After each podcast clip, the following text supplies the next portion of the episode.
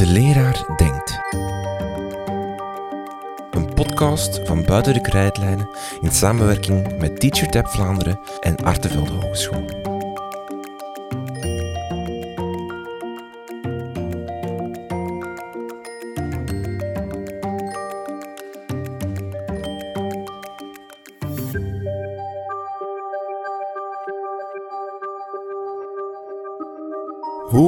Leraar over centrale toetsen? TeacherTap stelde enkele vragen in de applicatie over centrale toetsen. Wij bespreken die resultaten met een panel van experten in een live debat op de Artevelde Hogeschool.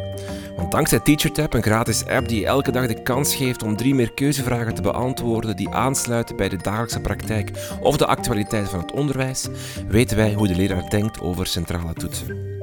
Wil jij ook jouw stem laten horen? Download dan snel de TeacherTap app en misschien ben je nog op tijd voor de vragen van vandaag. Volgend jaar start zowel in het vierde leraar als in het tweede middelbaar een eh, vooronderzoek waarin de toetsen getest worden. Maar er zijn nog heel veel vragen. Onduidelijkheden over hoe en het waarom van de toetsen. En daarom zitten we hier met een eh, panel van experts om die vragen te bespreken. En ik stel heel graag het panel aan jullie voor. Uh, links van mij zit uh, Chris de Nijs. Chris is beleidsmedewerker OCO, het overleg kleine onderwijsverstrekkers. Welkom Chris. Naast Chris zit Maarten Pennings. Hij is pedagogisch begeleider bij het Katholiek Onderwijs Vlaanderen. dan hebben we Jeroen Baks. Is afdelingshoofd strategische beleidsondersteuning van het departement Onderwijs en Vorming. Hij vertegenwoordigt vanavond de administratie, de beleidskant van het hele dossier. Carolien Freins is strategisch coördinator van het steunpunt Centrale Toetsen in Onderwijs en verbonden aan de U Gent. En dit steunpunt is een onafhankelijk universitair orgaan dat uh, belast is met de taak om de toetsen te ontwikkelen. En het steunpunt is samengesteld uit onderzoekers van de vijf Vlaamse universiteiten en twee hogescholen. Welkom Carolien. En uh, Helene is medewerker onderwijseffectiviteit, datageletterdheid en centrale toetsen aan het GO, of ook gewoon pedagogisch begeleider. Uh, het gemeenschapsonderwijs is dus ook vertegenwoordigd vanavond. Goed, maar ook jullie stem kunnen we horen. Dat kunnen we doen doordat jullie vragen stellen op Twitter via de hashtag uh, toetsdebat. Maar we hebben ook al vragen aan jullie gesteld via TeacherTap. Uh, want TeacherTap stelt elke dag drie vragen aan zijn respondent, aan de gebruikers van TeacherTap. En de voorbije dagen zijn daar verschillende vragen over de centrale toetsen gepasseerd.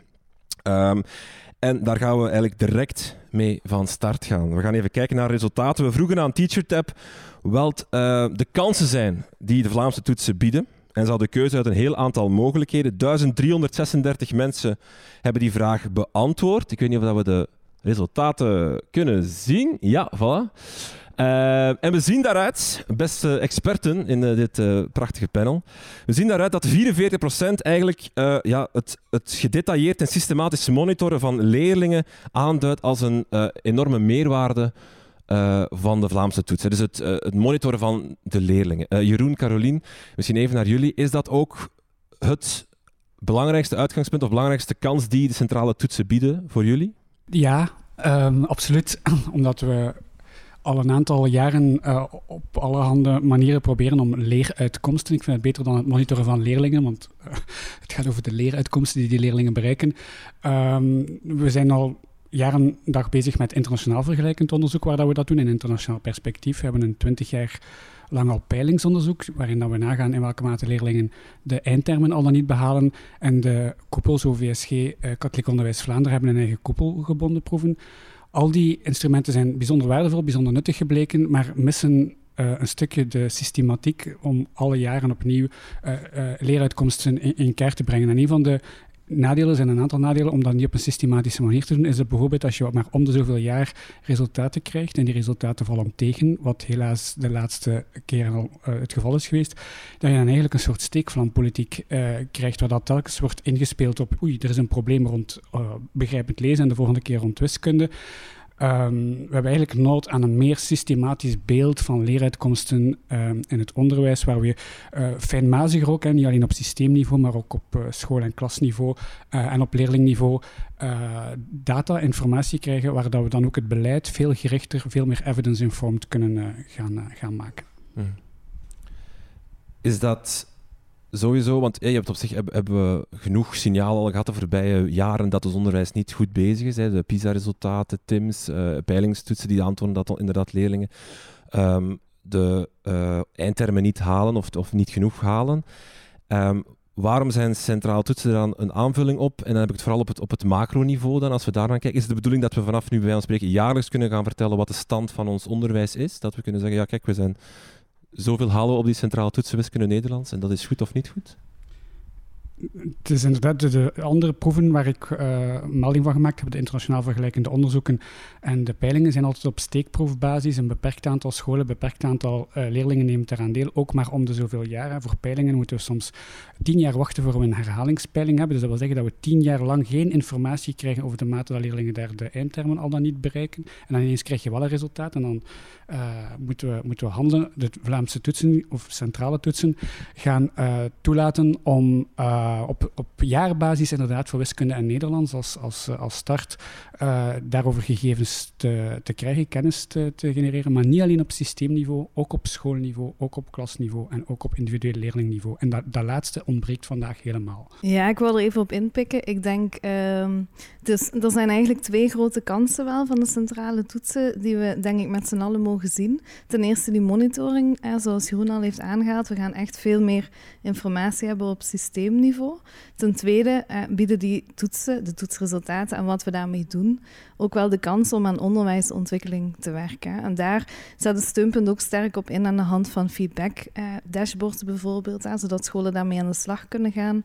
Maar ook eh, ondersteuning op het vlak van hoe kan ik die toetsresultaten nu interpreteren en hoe kan ik er dan als school mee vooruit gaan. Dus dat zijn wel twee mooie kansen, denk ik, om samen naar te kijken van oké, monitoring en die onderwijsontwikkeling, hoe gaan we daar uh, mee aan de slag? Ja, want 41% geeft ook aan dat het een kans is om de onderwijskwaliteit te verbeteren. Dat pikt een beetje op wat jij zegt van ja, het is een, een, een mag ik dan zeggen zo, een eerste stap om dan te kijken hoe kunnen we ons onderwijs beter maken? Als we die, die toetsen hebben afgelegd, zien we van dit loopt er fout en zo kunnen we het verbeteren? Ja, Kijk, uh, het monitoren is één stap en wat je daarmee gaat doen met die toetsresultaten is een volgende stap. Als je dat nu vergelijkt, ik vind het wel grappig dat we op grasbankjes zitten, dat zien de mensen natuurlijk niet die luisteren. Uh, maar als je dat nu vergelijkt met een, met een boom, je zet daar een meetlint naast. Die boom gaat niet denken, oh, nu ga ik eens beter groeien of zo, want dat meetlint staat hier naast me. Nee, het gaat eerder over de vraag, wat ga je met die gegevens doen? Hoe ga je die gegevens inzetten, zodat scholen zich verder kunnen ontwikkelen, zodat leerkrachten zich verder kunnen ontwikkelen en zodat we uiteindelijk uh, ja, zoveel mogelijk leerkansen kunnen bieden aan alle kinderen. Kinderen die al hoog presteren, bij wijze van spreken, maar ook kinderen die het misschien moeilijker hebben. En dan wil ik eigenlijk meteen dat balkje van die 16% verhogen van gelijke onderwijskansen meenemen. Uh, die kans, ja, het zit in het woord, zit er ook zeker wel in. Maar de hamvraag is, wat doen we met die, toetsen, met die toetsresultaten? Wat gaan we daarmee doen? Hoe gaan we die meetlinten naast die bomen zo inzetten, zodat iedereen daar echt beter van wordt? Ik gooi de vraag even naar de andere panelleden. Zijn jullie akkoord dat het op zich twee mooie onderwijskansen zijn, of kansen zijn die de centrale toetsen creëren? Uh, ik, nee. ja, anders had ik hier niet. Ja, ik bedoel, anders als, als iedereen zegt, uh, ik ga akkoord, ik ga akkoord. Ik ga eerst twee punten maken. Uh, vooraleer in te gaan op, op dit hier. Um, dit om duidelijk te maken, goh, hoe komt het nu dat ik zeg datgene wat, wat ik ga zeggen? Eén, dus ik vertegenwoordig, dat zijn vier kleine koepels van kleine onderwijsverstrekkers. Dat gaat vooral om Frennes-scholen, Steinderscholen. Uh, dus wat voor ons heel belangrijk is, dat is eigenlijk die samenhang tussen vrijheid van onderwijs, recht op onderwijs en kwaliteit op onderwijs. Dus als je over een van de drie een van die drie spreekt, dan spreken automatisch ook over de twee anderen. Dus niet de kosten van, maar het zijn geen communicerende vaten. Dus het is heel belangrijk om te weten, is een beetje, laten we zeggen, het kader waar, allez, van waaruit wij kijken naar deze centrale toetsen. Um, twee dingen die ik eerst wil maken. Ik wil dan graag ingaan op, op, op jouw vraag één. Er is een democratisch deficit en dat staat in het uh, advies van de VLOR dus van het Vlaamse Onderwijsraad. Wat we een democratisch deficit zeggen, ik vind dat een super interessant debat dat hier komend is en de vragen die gesteld worden. Maar dat zijn eigenlijk vragen die hadden moeten gesteld worden binnen het parlement. Dus het parlement heeft op dat vlak het laatste woord. Dus wat is eigenlijk, ik ga even de tijdslijn overlopen. Er is een regeerakkoord, oktober 2019, vrij gedetailleerd, waarin ook deze centrale toetsen staan. Vrij gedetailleerd. Dat is eigenlijk ongezien. We gaan verder. Uh, we worden geïnformeerd. Ik bedoel we, de Vlaamse Onderwijsraad, ook andere mensen, andere organisaties. En dan beslist de Vlaamse regering half december 2020, we gaan een steunpunt opstarten met de vijf universiteiten en twee hogescholen om die toetsen te ontwikkelen. Ja, het parlement heeft, is daar niet intussen gekomen, heeft de kans niet gekregen. Dat is een besluit van de Vlaamse regering. Ja. Uh, mijn overtuiging is dat dat niet toevallig is. Dit, dit, past in een bepaalde strategie. Ik bedoel, ik ga geen mensen met, met de vinger wijzen die, die, die daaraan werken, maar dat dit Allee, dat past binnen een bepaalde politieke strategie. Um, als je het boek leest... het parlement niet... Ja, ja ik bedoel, dat, dat heeft, dat heeft een bepaalde kijk op democratie in de zin van dat meer en meer, uh, als je dit onderzoekt, als je boeken leest over democratie, namelijk dat de wetgevende macht één voor een tijd aan de kant wordt geschoven en daarna als instrument dient voor een aantal private belangen. Ik ben daar ik denk dat daar toch wel iets van voor te zeggen is, als je daar literatuur over leest. Um, dus het steunpunt start vanuit een beslissing van, van de Vlaamse regering en gaat verder. En dan komt er een, daarna komt er een haalbaarheidsstudie met drie percelen. Dan zeggen we, ja, dat is zeer goed, maar dit had eerst moeten gebeuren. Dus heel dikwijls krijg je in de vergaderingen die er nu zijn, er zijn heel veel werkgroepen, denkgroepen, klankbordgroepen, uh, vooraan en, en, en die dingen, wordt de kar voor het paard gespannen. Ja. Dus die haalbaarheidsstudie is zeer goed, maar ze komt pas achteraf, dus na het opstarten van het, van het steunpunt. Dit wordt eerst door de minister aangekondigd ergens half februari 2021. Dat blijkt dan 12 mei te zijn, later. Ja. En er zijn nog zo'n aantal dingen uh, waarvan je zegt van, hoe komt dit nu? En dit, is niet de normale gang van zaken. Ik bedoel, als je aan leerlingen middelbaar onderwijs moet zeggen hoe komt een decreet tot stand, ja, dan heb je een aantal stappen die doorlopen worden. Hier gebeurt het niet. Dus ik denk dat we daar zeer goed moeten over nadenken. Dat is geen fait divers, dat is niet, iets klein. Dus heel goed dat de Vlor daarop gewezen heeft. Ja. Twee, tweede punt dat ik wil maken is... Um, toen ik jouw vragen kreeg, dacht ik van, oei, dat zijn allemaal operationele vragen. Super interessant, maar wij hebben de behoefte om toch eens na te gaan vanuit welke visie gebeurt dit. En die visie is er. En dat is een kapitalistische visie op onderwijs. Wij zeggen dat niet, de kleine onderwijsverstrekkers zeggen dat niet. Uh, deze Vlaamse regering zegt dat. Beleidsnota 2019 staat dat er letterlijk in. Leerkrachten zijn vermogensbeheerders. Dus een vermogensbeheerder werkt niet aan een spaarbank, maar werkt aan een zakenbank, een hefboomfonds. Daar heb je leerlingen zijn grondstoffen, dat staat er letterlijk in. En om dat te monitoren, om te zien hoeveel dat kapitaal die grondstoffen kapitaliseren, heb je een meetinstrument nodig. En daarvoor dienen precies die centrale toetsen. Dus wat ik zeg is niet mijn mening, maar dat staat er zo letterlijk in. Um, we hebben dat ook binnengebracht in de Vlaamse Onderwijsraad. Iedereen heeft ons gevolgd. Dus dat is heel belangrijk om dat te weten. Dus om een aantal dingen te duiden over de manier waarop nu um, de, de, de, toetsen worden uitgerold, is het heel interessant om te weten van, van wat die achtergrond is. Waarbij één begrip superbelangrijk is, en dat is het volgende, dat is het meten van leerwinst. Ja, maar daar kun je het misschien later over hebben. Ik wil, allez. Maar ik wil eerst eens zien of er op gereageerd wordt worden op de twee punten die Chris hier maakt vandaag. Ja, omdat ze natuurlijk van een andere aard zijn dan, dan waar we het debat mee gestart zijn. Maar ik voel allez, vanuit de overheid, omdat het gaat over het proces, mij wel aangesproken inderdaad om daarop te reageren. Misschien eerst iets over die kapitalistische visie. Zijn het enige onderwijssysteem bijna in gans Europa die geen centrale toetsen heeft. En ik wil een van de laatste onderwijssystemen die centrale toetsen heeft ingevoerd was Portugal, hè, onder een socialistische regering met een socialistische minister die het onlangs ook eh, eh, op uh, de Research ED-dagen is komen verdedigen en aangegeven heeft, je moet dat absoluut doen om de onderwijskwaliteit te versterken. Dus tot daar het, het kapitalistische verhaal achter deze toetsen. Als je naar Nederland gaat kijken, naar het, het onderzoek van professor Van der Werfhorst, dan zegt hij het feit dat Vlaanderen het slechter doet, dat is een van zijn stellingen op vlak van gelijke onderwijskansen ten opzichte van Nederland, waar ook een systeem van vroege tracking is, is net omwille van het feit dat men in Nederland uh, op, op een veel meer objectieve manier uh, leeruitkomsten, leerlingenresultaten in kaart brengt via centrale toetsen. Um, en dus het biedt ja ook kansen op vlak van gelijke onderwijskansen. Wat het proces betreft um, en, het, het, gebrek aan democratisch deficit. Um, ik volg dat absoluut niet, omdat er is een regeerakkoord en je kan voor of tegen deze regering zijn. Daar ga ik me absoluut niet over uitspreken, zo ook mijn rol niet. Iedereen mag gaan stemmen uh, om de zoveel jaar, gelukkig. Ehm, maar er is wel een meerderheid in dit parlement. En die meerderheid in het parlement heeft de regering gesteund. En een regering heeft een regeerakkoord. En in dat regeerakkoord staat er dat er centrale toetsen gaan komen.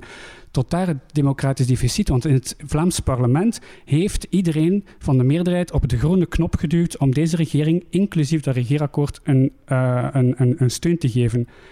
En dan inderdaad is dat steunpunt opgericht omwille van het feit dat je in 2024 toets wil hebben, Caroline zal dat beter kunnen uitleggen dan ik. Je hebt minstens twee, drie jaar nodig om dit voor te bereiden.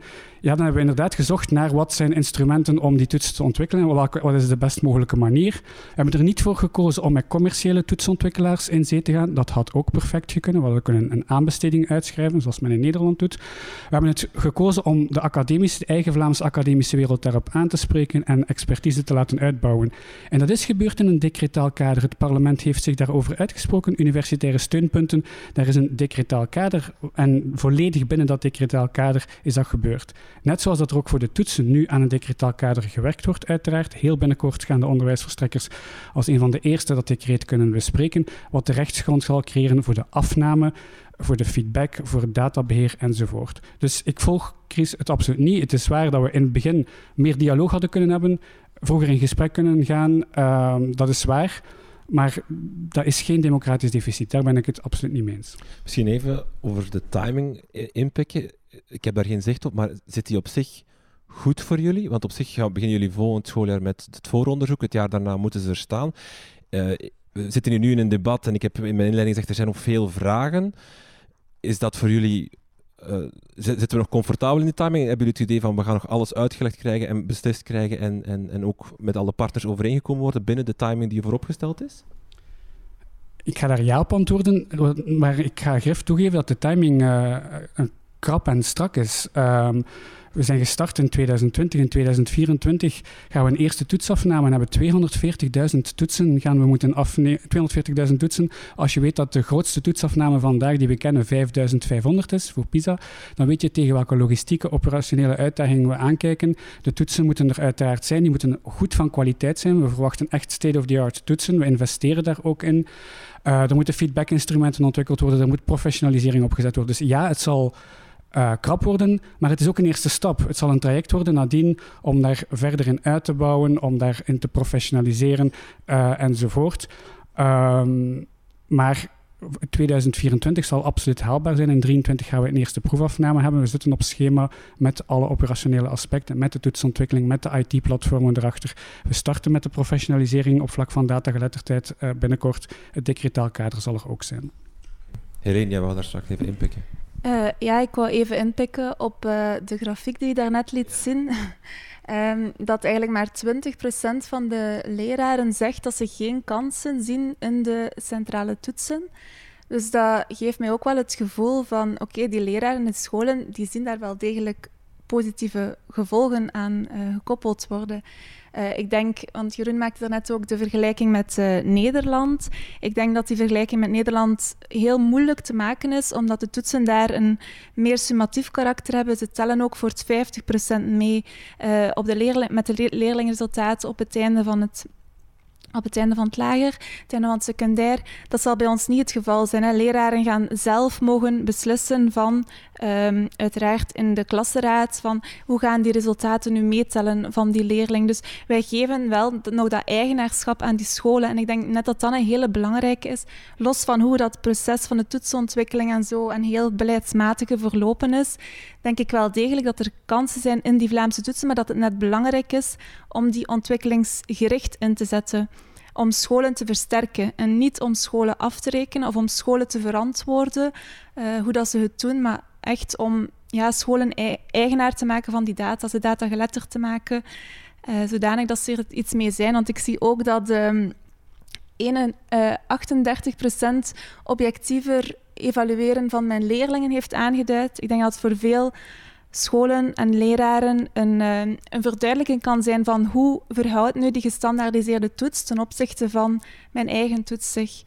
Dus ik denk inderdaad, er zijn heel veel risico's aan gebonden en het proces is niet altijd even een, een samenwerking verlopen, maar ik denk wel dat er kansen zijn. En ik denk dat deze grafiek dat ook aantoont, dat die kansen er zijn. Maarten, heb jij iets... Zijn, onderwijs, zijn centraal toetsen, is dat een kans om de onderwijskwaliteit te verbeteren? Er zitten kansen in, absoluut. Ehm, maar er is ondertussen al gigantisch veel gezegd. ik wil op, op, 27 dingen reageren. ja, gooi, gooi, die voorbereiding weg. We gaan het verhaal wel doen. Nee, ehm, de drie zaken dat ik toch even wil uitplukken. Het stukje van het argument van andere landen hebben centrale examens, dus moeten wij dat ook maar hebben, dat is een absoluut non-argument. Van, er is heel weinig evidentie, eigenlijk nauwelijks evidentie, zelfs meer tegenevidentie, dat centrale examens als centraal examen, hè, nu heb ik niet over centrale toetsen, maar centrale examens, dat dat zou leiden tot betere onderwijskwaliteit. Waar we die evidentie wel zien, is dat heel short term en wordt er nooit onderzocht ten koste van wat allemaal. Gaat het vaak zelfs ten koste van motivatie en zo verder. dus dat dat ik vind het absoluut een non-argument, omdat andere landen het hebben. Het is niet omdat ze het hebben geïntroduceerd dat daardoor de onderwijskwaliteit versterkt is. Dat zien we ook niet tweede stukje, en daar kom ik wel dichter bij, bij de slide hier, uh, omdat Jeroen zei van ja, er, zitten kansen in op verschillende niveaus, benoemde Jeroen. En dan denk ik inderdaad op macroniveau absoluut. Hè, van, we gaan een veel beter zicht hebben in twee leerdomeinen, waarvan eentje, waarvan in Nederlands enkel nog maar de gemakkelijk toetsbare domeinen, hè, van enkel uh, help me even begrijpend lezen en zo verder. Hè. Dus, dus, dus, dus van dat klein stukje over de gehele, gehele, onderwijskwaliteit, van dat klein stukje gaan we systematische data hebben en dan gaan we ons onderwijsbeleid kunnen informeren. Absoluut akkoord, als je maar om de tien jaar krijgt, dat dat te weinig is. Het stukje ook op mesoniveau van de school, interne kwaliteitszorg van de school, kan dat absoluut informerend zijn. Daar ben ik helemaal mee in dat verhaal. We zijn ook helemaal geen, als katholiek onderwijs Vlaanderen helemaal geen tegenstander van gestandardiseerd toetsen. We hebben zelf de IDP al sinds 1968, dat heb ik even opgezocht. Sinds 1968 hebben we al gestandardiseerd toetsen. En die werken op dat meso-niveau. Waarom? Net, en dan kom ik op de vraag van, van of hetgeen wat Caroline daarnet al heeft gezegd, omdat ze low stakes zijn. Het gaat niet zozeer van wat zit in je toets, maar hoe ga je ze gebruiken. Het stukje van wat Jeroen zei, van, ook op leerlingniveau daar twijfel ik eigenlijk over. Dat die centrale toetsen nu ook het, het individueel leren van leerlingen gaan kunnen versterken. Ik heb daar zeer veel twijfels bij. Daar ga je als leraar, met al de toetsen die je zelf al doet, heb je veel meer informatie dan die een eenmalige toets dat daar een keer extra gaat bijkomen. Wat ga je wel hebben, en dat is wat Helene ook al een beetje zegt, dat is een stukje het, het backwash-effect, of het washback-effect, wordt blijkbaar allebei gebruikt. Ehm, waarbij dat je als leraar wel een stukje informatie gaat krijgen, of als schoolteam een stukje informatie gaat krijgen van de lat bij ons ligt hier en blijkbaar ligt ze in andere scholen misschien ergens anders. Want zeker in secundair onderwijs, we have no clue. Hè, we hebben geen idee op dit ogenblik. Um, het belangrijkste stuk is inderdaad van ja, hoe gaan we ze gaan gebruiken. En ik denk dat daar het belangrijkste stuk van debat op dit ogenblik nog altijd op moet gevoerd worden. En dat er, ja, men zegt nu wel het, het woord low stakes, wil zeggen van er gaan geen automatische consequenties aan hangen, maar het eigenaarschap van die data, wie wordt eigenaar van die data? Is dat enkel, dat school, is het enkel die school of wordt er ook meer mee gedaan? Dat wordt denk ik de cruciale vraag in, in dit verhaal verder. Laten we ze stellen, laten we naar, naar die, die functie van die toetsen gaan. We nemen ze af. Ze moeten onderwijskwaliteit verbeteren. Oké, we nemen ze af. En, en dan, wat is dan het ideale scenario wat dan gebeurt? Jeroen? Maarten heeft het uh, goed aangegeven. Je hebt het, uh, het high-stake scenario, waar je echt heel, uh, het anglo-saxische model, waar je heel zware gevolgen koppelt aan school, aan leerkrachten, leerlingen, hè, waar een leerling al dan niet toegang krijgt tot hoger onderwijs. Maar een leerkracht in de VS bestaan zulke staten betaald wordt op basis van de resultaten van de toetsen of waar scholen al dan niet dicht gedaan worden. Dat gaan we in Vlaanderen niet doen. Niet. Uh, we kiezen voor een low-stake scenario, omdat we ook, en dat is het, een beetje het, het, het, het, klinkt semantisch, maar het is het niet, een, een, verschil met een no-stake scenario. Waar je zegt, we gaan die toetsen afnemen, we gaan daar uh, eigenlijk fundamenteel niets mee doen of geen enkel gevolg aan koppelen voor geen van de betrokkenen, dan weten we ook uit onderzoek dat bijvoorbeeld een schoolfeedbackrapport, waar je geen enkel gevolg aan koppelt en wat alleen de school te zien krijgt, dat daar uh, heel weinig mee gebeurt. We hebben recent, naar aanleiding van de peilingen, bij scholen uh, gepolst, wat doen jullie met die schoolfeedbackrapporten? Het antwoord was over de hele lijn niets. Um, daar, is, ligt ook misschien ook iets aan die schoolfeedbackrapporten. Dus het is, een, het is een genuanceerder debat dan wat ik nu zeg we kiezen voor een low-stake scenario, waar we toch een beperkt gevolg koppelen, maar een heel beperkt gevolg in de zin van dat een school die uh, over een lange periode significant minder leerwinst haalt of echt afwijkt van normscholen uh, wat resultaten betreft, dat dan de inspectie gaat kijken in het kader van haar normale doorlichtingen en op basis van een vaststelling dat daar inderdaad een probleem is met de kwaliteit in, in die school, uh, een verplicht begeleidingstraject opstart. Um, voor, voor leerkrachten gaan we er geen gevolgen aan koppelen, maar we hopen uiteraard wel dat het een, bron is intern in de school en lerarenteams om aan kritische zelfreflectie te doen, maar ook een kans als je een nieuw handboek introduceert of met een nieuwe methode experimenteert, dat je ook misschien kan kijken wat, wat effect heeft dat nu in, in de school. Gaan we ervoor of op achteruit? Wat dat vandaag heel veel scholen niet hebben, hè, die kennis. En op leerlingniveau uh, willen we uh, aan de leerling wel, of de school de kans geven dat het voor de leerling meetelt in de globale evaluatie, het globale kader van evaluatie, maar niet een exclusief uh, criterium is om een leerling al dan niet te laten voor het slagen in, een, in een schooljaar. Dus dat is het low-stakes scenario dat we voorop staan en dat is heel erg belangrijk. En dat is eigenlijk de, visie die we hanteren momenteel bij het gebruik van de toetsen. Mag ik daar nog even bij vragen wie dat er inzage krijgt in de resultaten van de toetsen? En misschien kunnen we daar meteen ook de vraag die daarover gesteld is bijhalen.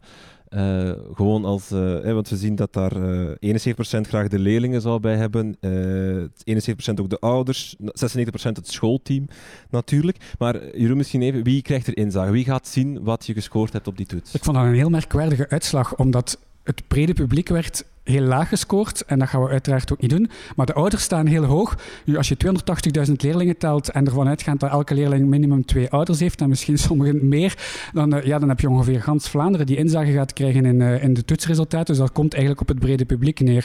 Dat is niet de bedoeling, dat gaan we niet doen. We gaan de schoolresultaten aan de school teruggeven, school, schoolbestuur, aan de inspectie en aan de pedagogische begeleidingsdiensten. Um, we gaan ze niet publiek maken. We gaan daar ook uh, decretaal voor zorgen dat dat niet kan publiek gemaakt worden. We gaan daar een verbod op inschrijven, zoals dat ook in de Franse gemeenschap bestaat, sinds 2006 al. Uh, en we gaan erover waken dat de rankings, waar iedereen terecht heel veel schrik voor, voor heeft, hè, want dat is een absoluut nefast uh, gevolg van, van, van centrale toetsen, dat je van die ongecontroleerde ruwe resultaten in, in kranten krijgt. Uh, dat willen we absoluut niet en gaan we ook voorkomen. Dus, uh, en leerlingen gaan een leerlingresultaten terugkrijgen uiteraard, maar niet het schoolresultaat. Ja, Oké.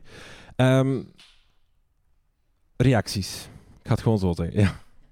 Er is een principiële keuze gemaakt voor low stakes en daar zijn we gigantisch blij mee. De inspanningen die worden gedaan om, het, om de openbaarheid tegen te gaan, zijn we gigantisch blij mee. Weliswaar, eigenlijk ja, dat moet echt juridisch sluitend zijn. Er wordt nu geschermd inderdaad met het decreet. Ik ben geen jurist in, in, het, uh, in de Franstalige gemeenschap. Maar als ik het goed heb, is het ook nog nooit aangevochten geweest. Dus we moeten zien van houdt dat effectief stand als het een keer wordt aangevochten.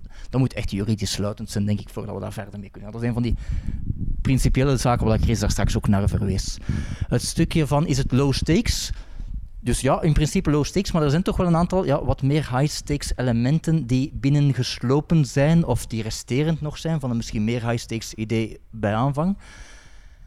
En ja, we weten het niet. We weten totaal niet wat de impact daarvan gaat zijn. We hebben ook geen, we hebben geen onderzoek daarover, want het bestaat niet in het buitenland, denk ik. Dit. Dus het is wel een beetje een gok van, van die high stakes elementen te gaan toevoegen aan een op zich low stakes instrument.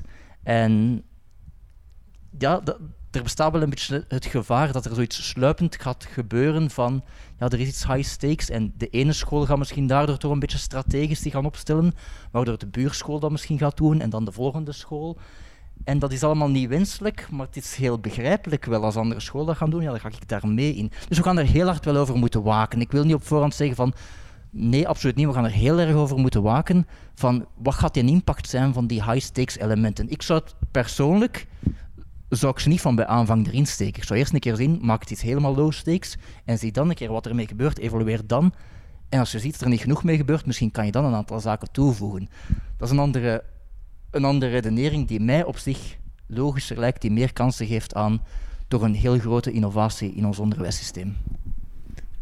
Ja, ik wil daar graag even op inpikken. Ik hoor eigenlijk wel twee zaken zo terugkomen. Het eerste is die gefaseerde implementatie van de toetsen. Daar hebben we het eigenlijk allemaal al over gehad. Dat vinden wij vanuit Steunpunt ook super belangrijk om dat gefaseerd te doen, samen met het onderwijsveld. En dat samen brengt me meteen bij het tweede punt. We waren vooraf, voordat we begonnen, een beetje aan grappen, zoals dat gaat. En we zeiden tegen elkaar, ja, niemand zit hier hè, met het idee van die toetsresultaten moeten zeker openbaar gemaakt worden en er moeten rankings komen Ik vind eigenlijk heel positief. Het was een mopje natuurlijk, hè, maar op dat vlak zijn we het denk ik allemaal met elkaar eens vanuit welke bril of pet we hier ook uh, mee zitten te denken of mee zitten te kijken vind ik het, um, staat me dat gerust dat we dat met z'n allen zo bekijken. Ik vind het ook belangrijk dat we die verantwoordelijkheid die we uiteindelijk allemaal dragen ook wel samen opnemen, zodat het gefaseerd kan gelopen, zodat het echt wel ontwikkelingsgericht ingezet kan worden. En dat lijkt me een, uh, een belangrijk punt. Ja. Mag ik even inpikken op die rankings? Dat klopt inderdaad. Er wordt verwezen naar de wetgeving in de Franse gemeenschap. Um, maar het blijft koffiedik kijken. Ik bedoel, het is, we weten het niet. Dus decretaal verankeren, maar er is nog iets zoals recht op openbaarheid van gegevens. Hè.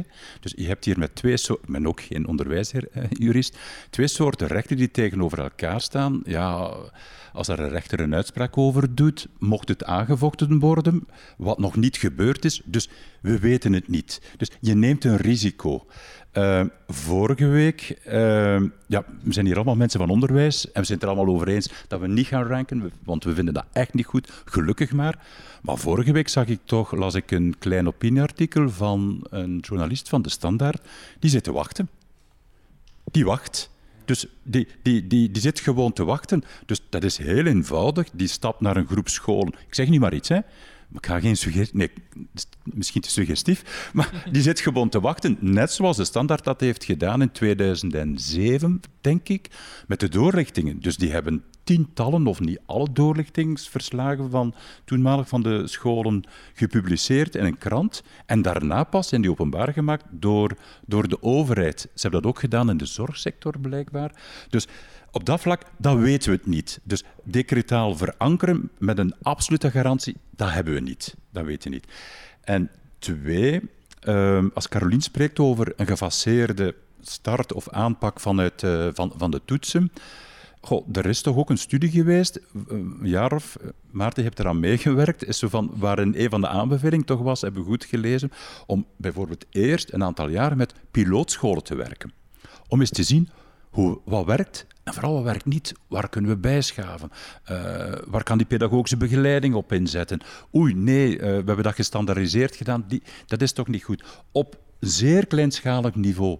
Nu gebeurt het op kruissnelheid. Eh, 285.000 leerlingen, vermoed ik op kruissnelheid. Hè? Ja, oké, maar ik ga dat wel een beetje nuanceren, want we gaan wel zeker pilootonderzoeken, voorstudies doen, hè, net om ervoor te zorgen dat we niet met kruissnelheid tegen de muur knallen en dan moeten concluderen dat er iets, dat er iets misloopt. Het is zo dat het grootschalig is. Dat is zo, hè. Maar de maar proeffase is... is... één jaar, hè? Wat zeg je? De proeffase is één jaar. Ja, we, Want het is starten, de eerste proeven worden afgenomen mei, juni 2024. Ja, natuurlijk achter de schermen is er al heel veel uh, gaande. Hè? Zijn er al heel veel teams die aan het denken zijn hoe gaan we dat hier het best uh, implementeren. Net om, om ervoor te zorgen dat het goed verloopt. Ik wil eerst eh, terug naar het, het, het stukje rond... De, de resultaten worden gedeeld met de schoolbesturen, met dus de directies, neem ik aan. Worden toetsen dan niet onbewust misschien zelfs, maar stiekem high stakes voor leerkrachten? Uh, ik weet niet in hoeverre dat die rapportage zal gaan dat, dat de directeur kan zien dat leerkracht Nederlands uit 1A uh, B uh, of 1A2 niet goed doet en leerkracht uit 1A3 wel. Ik weet niet hoe ver dat zal gaan, maar is dat een gevaar dat er een onbewuste high stakes komt in, in die, of een, onbewuste druk komt op, op, leerkrachten door die toetsen? Helene, ik zag jij voor. Ja, daarom denk ik dat het belangrijk is dat uh, leren gezien wordt als iets dat door een team van leraren gebeurt. Het is niet zoals die ene leraar in 3B een slechte score haalt op een toets wiskunde of Nederlands, dat dat daarom een slechte leraar is, want die leerling heeft al zoveel jaren onderwijs voordien in die school gehad. Dus ik, um, ik geloof er wel echt in dat dat moet gebeuren in professionele, professionele dialoog met een team van leraren. Een team van leraren die, verantwoordelijkheid, die verantwoordelijk is voor het leren van die leerling. Dus ik hoop dat die onderzoekende cultuur en die professionele dialoog ook wel ontstaat in scholen. En veel hangt daar natuurlijk af van het onderwijskundig leiderschap van de, van de directeur zelf. Uh, de manier waarop hij of zij daar naar kijkt klopt wat Helene zegt. Het is een bijzonder boeiende, relevante vraag. Ook waar wij met ons schoolbesturen ook nu al mee gestart zijn. Want het klopt inderdaad. Het klopt, je kan een systeem zo low stakes organiseren als je maar wil. Het kan op een high-stakes niveau gebruikt worden door een schoolbestuur. Als er bij ons school, eh, wat Chris daarnet refereert, hier in de zaal zijn we allemaal onderwijsmensen. Schoolbesturen zijn vaak een jurist en een, eh, andere profielen vaak. Ehm, en dat risico bestaat. En wij zijn eigenlijk nu al bezig met een stukje ja, dat, dat te proberen kaderen en de, de brede onderwijskwaliteit en de mogelijke neveneffecten van high-stakes gebruik aan onze schoolbesturen, inderdaad, om, om daarop te blijven duiden. Ook net, ik heb in de studie waar Chris daarnet naar verwees, waar ik in mijn vorig professioneel leven aan de Universiteit Antwerpen aan heb meegewerkt, een aantal buitenlanden mogen gaan bestuderen waarin er gestandardiseerde toetsen worden gebruikt. En ik voel me even geneigd om het voorbeeld van Noorwegen hier even te noemen. Minder bekend, maar waar er eigenlijk, naar aanleiding van de PISA-shock, een, een heel low-stakes bedoeld instrumentarium van toetsen is ontwikkeld, dat door één schoolbestuur, Oslo met name, ehm, heel high stakes is ingezet, waarbij men wel directeurs op het matje heeft geroepen, waar directeurs zelfs ontslagen zijn geweest naar aanleiding van slechte resultaten. Dus ja, dan maakt het wel heel high stakes. En inderdaad, in Oslo, in, in de stad Oslo, helpt u inderdaad al de teaching to the tests en al de neveneffecten die je eigenlijk je onderwijs enkel maar verarmen in plaats van verrijken. Absoluut. Jeroen, ik geef les in het Nederlands in tweede middelbaar. Moet ik mij zorgen maken? Vanaf over twee jaar. Moet ik beter mijn best gaan doen? hangt er vanaf dat je leerlingen toen had. Nee, nee, een grapje. um, nee, maar we bedelen wel de zorg. Uh, omdat je, maar we stellen dat ook vast met vandaag IDP en OVSG-proeven. Die mogen niet op individueel leerlingniveau meetellen. En we weten dat er scholen zijn die dat toch laten meetellen. En dat die daar toch high stakes inzetten. Um, we, moeten proberen na te denken over systemen om dat maximaal tegen te gaan. Ik ben het helemaal eens. Ik denk professionalisering is daar een heel belangrijke component, maar ja, dat gaat niet altijd alles oplossen. En we denken eraan om de inspraakorganen die een school heeft, om die mee te laten nadenken over wat er met die resultaten gaat gebeuren. Dat er op zijn minst transparantie is, directie, leerkrachten, leerlingen, ehm, van hoe gaan die resultaten hier op schoolniveau gebruikt worden, die kennis uh, met de bedoeling om dat schoolontwikkelend te gaan inzetten en niet met de bedoeling om dat sanctionerend of... Uh, in functie van verantwoording te gaan zetten naar individuele leraren en leerlingen in. Wat zit daar de, de moeilijkheid in? Jullie willen eigenlijk zo min mogelijk inbreken op het pedagogisch proces in scholen. Dat las ik ook in de visietekst van ja, scholen moeten autonomie, krijgen, ook de leerkracht moet autonomie uh, krijgen en blijven hebben. Maar dat zorgt er wel voor dat scholen op zich ook kunnen doen met de resultaten wat ze willen, bijna. Hè. Dat, dat je daar eigenlijk geen controle op hebt en dus ook heel high stakes mee kunnen omgaan als scholen de resultaten effectief gaan gebruiken in functie van schoolontwikkeling en om de kwaliteit te gaan versterken, en dat zo high stakes noemen, vond ik dan een goed voorbeeld van hoe dat high stakes wel uh, tot, tot uh, goede effecten zou kunnen leiden. Hoe dat scholen dat gaan inzetten, hoe dat ze een pedagogisch begeleid daarop gaan afstemmen, dat is de autonomie van scholen, dat is de onderwijsvrijheid. Daar gaan wij als overheid absoluut niet intussen komen, zelfs geen advies geven. Maar de kennis aan scholen aanreiken om meer evidence-informed aan kwaliteitsontwikkeling en schoolbeleid te doen, daar vind ik wel dat dat een opdracht van een overheid of een taak van een overheid is om die kennis mee aan te reiken. Uh, hoe dat scholen ermee aan de slag gaan, aan scholen en aan pedagogische begeleidingsdiensten. Ja, ik wilde wel graag even aanvullen. Het gaat inderdaad over het gebruik van de toetsen binnen een breder evaluatiebeleid van de school. Want als leraar, jij Rinke, ziet je leerlingen elke dag. Je verzamelt zoveel meer informatie dan uh, de resultaten voor de toets Nederlands. En dat is denk ik echt super belangrijk om dat op die manier te zien. De centrale toetsen zijn een soort van screeningsinstrument, kunnen informatie bieden die je nog niet had. Maar die leg je natuurlijk naast andere bronnen van informatie. Um, en de leraar heeft al heel veel informatie, maar de centrale toetsen gaan daar een andere bron naast leggen die ja, gestandardiseerde informatie biedt, betrouwbare informatie biedt. En dan kan je dat gewoon eigenlijk samen bekijken. Mhm.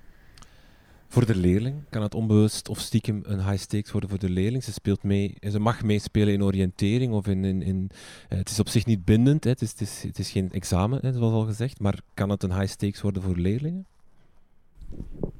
Ik denk dat het effectief uh, wellicht zo gebruikt zal worden, zonder dat het zo bedoeld wordt. Uh, Maarten geeft het voorbeeld van IDP's. Ik denk dat bij OVSG-toetsen het, het, ook zo is, dat het op een oneigenlijk manier wordt gebruikt, omdat de instrumenten er, er zijn.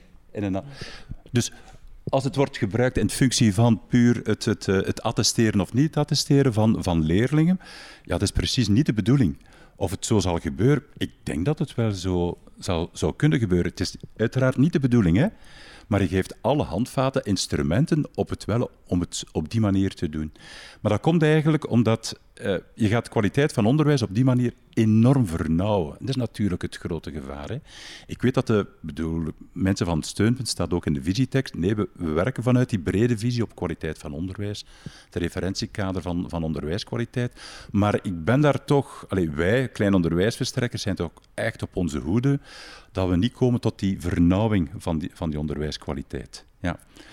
Ja, we moeten goed, goed, beseffen, het gaat niet om twee leergebieden. Nee, het, wiskunde wel, maar voor Nederlands, een deel van Nederlands, hè, omwille van, het staat zo in de beleidsnota, ehm, nee, om, om, een, een deel ervan. Hè, dus daar moeten we ons zeer goed van bewust zijn.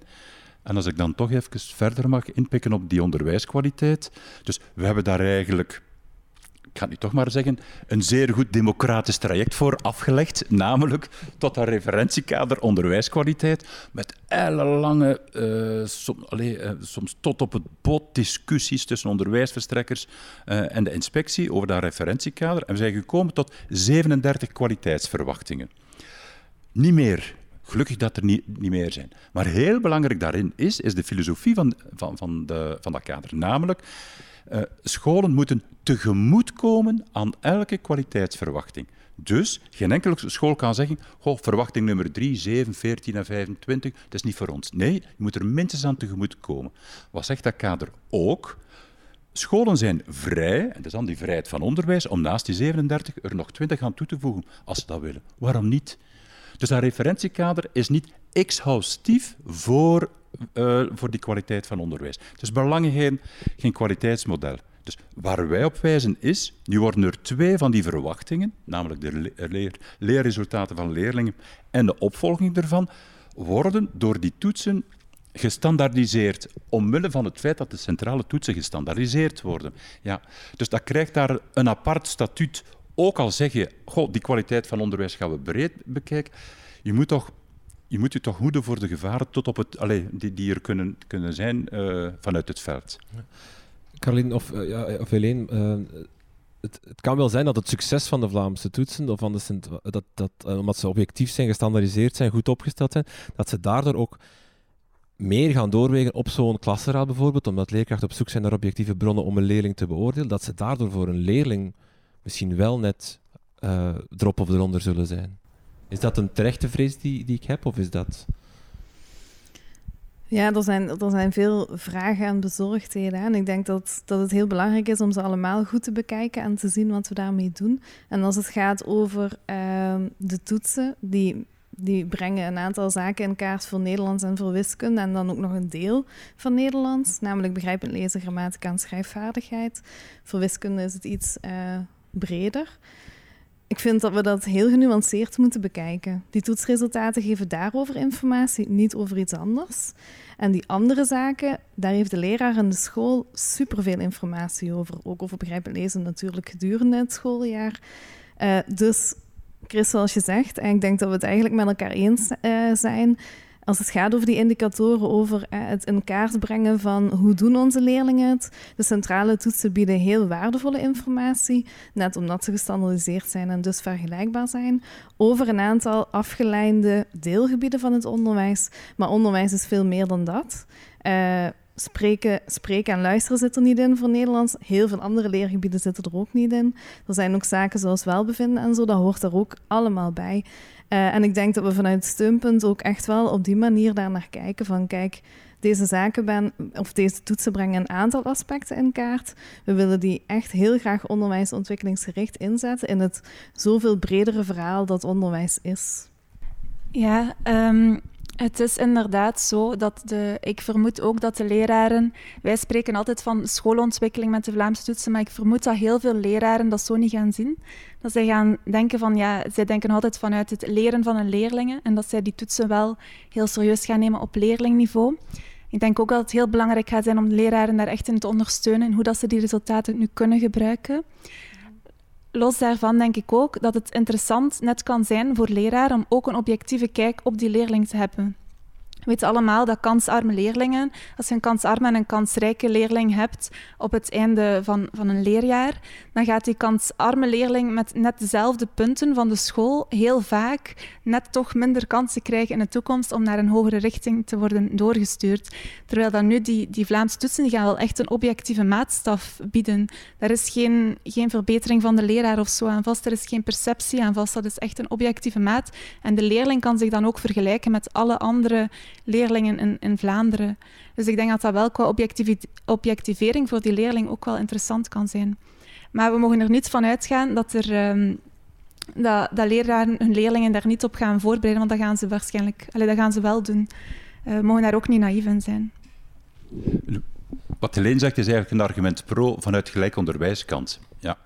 Uh, er wordt er verwezen, zoals u zei, naar een Nederlandse studie er is een masterproef, een publicatie ervan is op komst deze week of volgende week, dat dat toch een beetje nuanceert. En voor mij ook terecht verwijst naar het volgende, als het gaat over gelijk onderwijskansen. Dit wordt nu eigenlijk zeer individueel gezien op het niveau van de leerling. Uh, maar er is nog iets zoals van, van uh, collectieve voorzieningen. Ik bedoel daarmee, hoe ga je onderwijs organiseren? Als je spreekt over gelijk onderwijskansen, kun je denken in de richting van iets meer comprehensief onderwijs. Als je daaraan werkt, aan iets meer comprehensief onderwijs, is ook een vorm van gelijk onderwijskant binnen een bepaalde visie. Dus er zijn verschillende visies op die gelijk onderwijskant. Eerder meritocratisch, zeer individueel, of eerder egalitair. Ik vind het belangrijk om dat ook te benoemen. Ja, om leerlingen zoveel mogelijk kans te geven met een zo breed mogelijk curriculum, voor zoveel mogelijk leerling. Dat is, dat is superbelangrijk. In, in onze visie dan. Hè. Dus naast het feit van, ah, die toetsen geven een objectief beeld van, laten we zeggen, de leerlingenprestaties uh, op het einde van, dat gaat er vooral op het einde van het zesde leerjaar. Hè. En er wordt heel veel over vrijheid van onderwijs en autonomie van scholen gesproken. En dat vertrekt van vertrouwen. En vanuit de overheid wil ik in deze toch wel geven dat wij toch wel meer vertrouwen in leraren en, en klassenraden hebben dan soms hier geponeerd wordt. Alsof ik vandaag een lerarenteam op basis van één toets zou beslissen om een leerling alleen op die ene toets uh, niet te laten slagen. Daar geloof ik echt niet in dat er zoveel lerarenteams en klassenraden in Vlaanderen bestaan die dat zouden doen. Dus ik ben daar eerlijk gezegd absoluut niet ongerust over. En ik sluit mij wel helemaal aan bij de positieve effecten die dat kan hebben, die Helene heeft uh, aangehaald uh, van, op vlak van een stuk objectivering ten opzichte van andere resultaten. Oké, ehm, een rondje praktisch misschien. Wanneer zullen de centrale toetsen afgenomen worden? En dan heb ik het vooral over het moment in het jaar. Ben je daar als school helemaal vrij in? Doe je dat aan het begin? Doe je dat op het einde? Is dat een vaste dag? Wordt dat een vaste dag? Is het centrale toetsdag vanaf nu, elke derde maandag van mei? Inderdaad, de derde maandag van mei. Ja. Het is zo. Uh, is dit? Nee, we kunnen daar nog geen concreet antwoord op geven. We zijn dat, uh, het zal niet in januari zijn, hè, het zal eerder mei, juni zijn. Uh, maar hoe precies en welke dag en, en hoe lang dat precies gaat duren, dat zijn allemaal zaken die we goed samen aan het bekijken zijn met de verschillende partners. Hoe we dat best kunnen, kunnen aanpakken. Dus de derde maandag van mei, zo concreet kan ik nog niet antwoorden nu. Nee. Oké. Dus ik denk geen toetsplan, hè, want anders... ja, anders kon je dat vast inplannen, ja. het, het zal... Uh mei zal inderdaad de periode van het jaar zijn um, om ook niet te interfereren met andere uh, examens, uh, examenperiodes.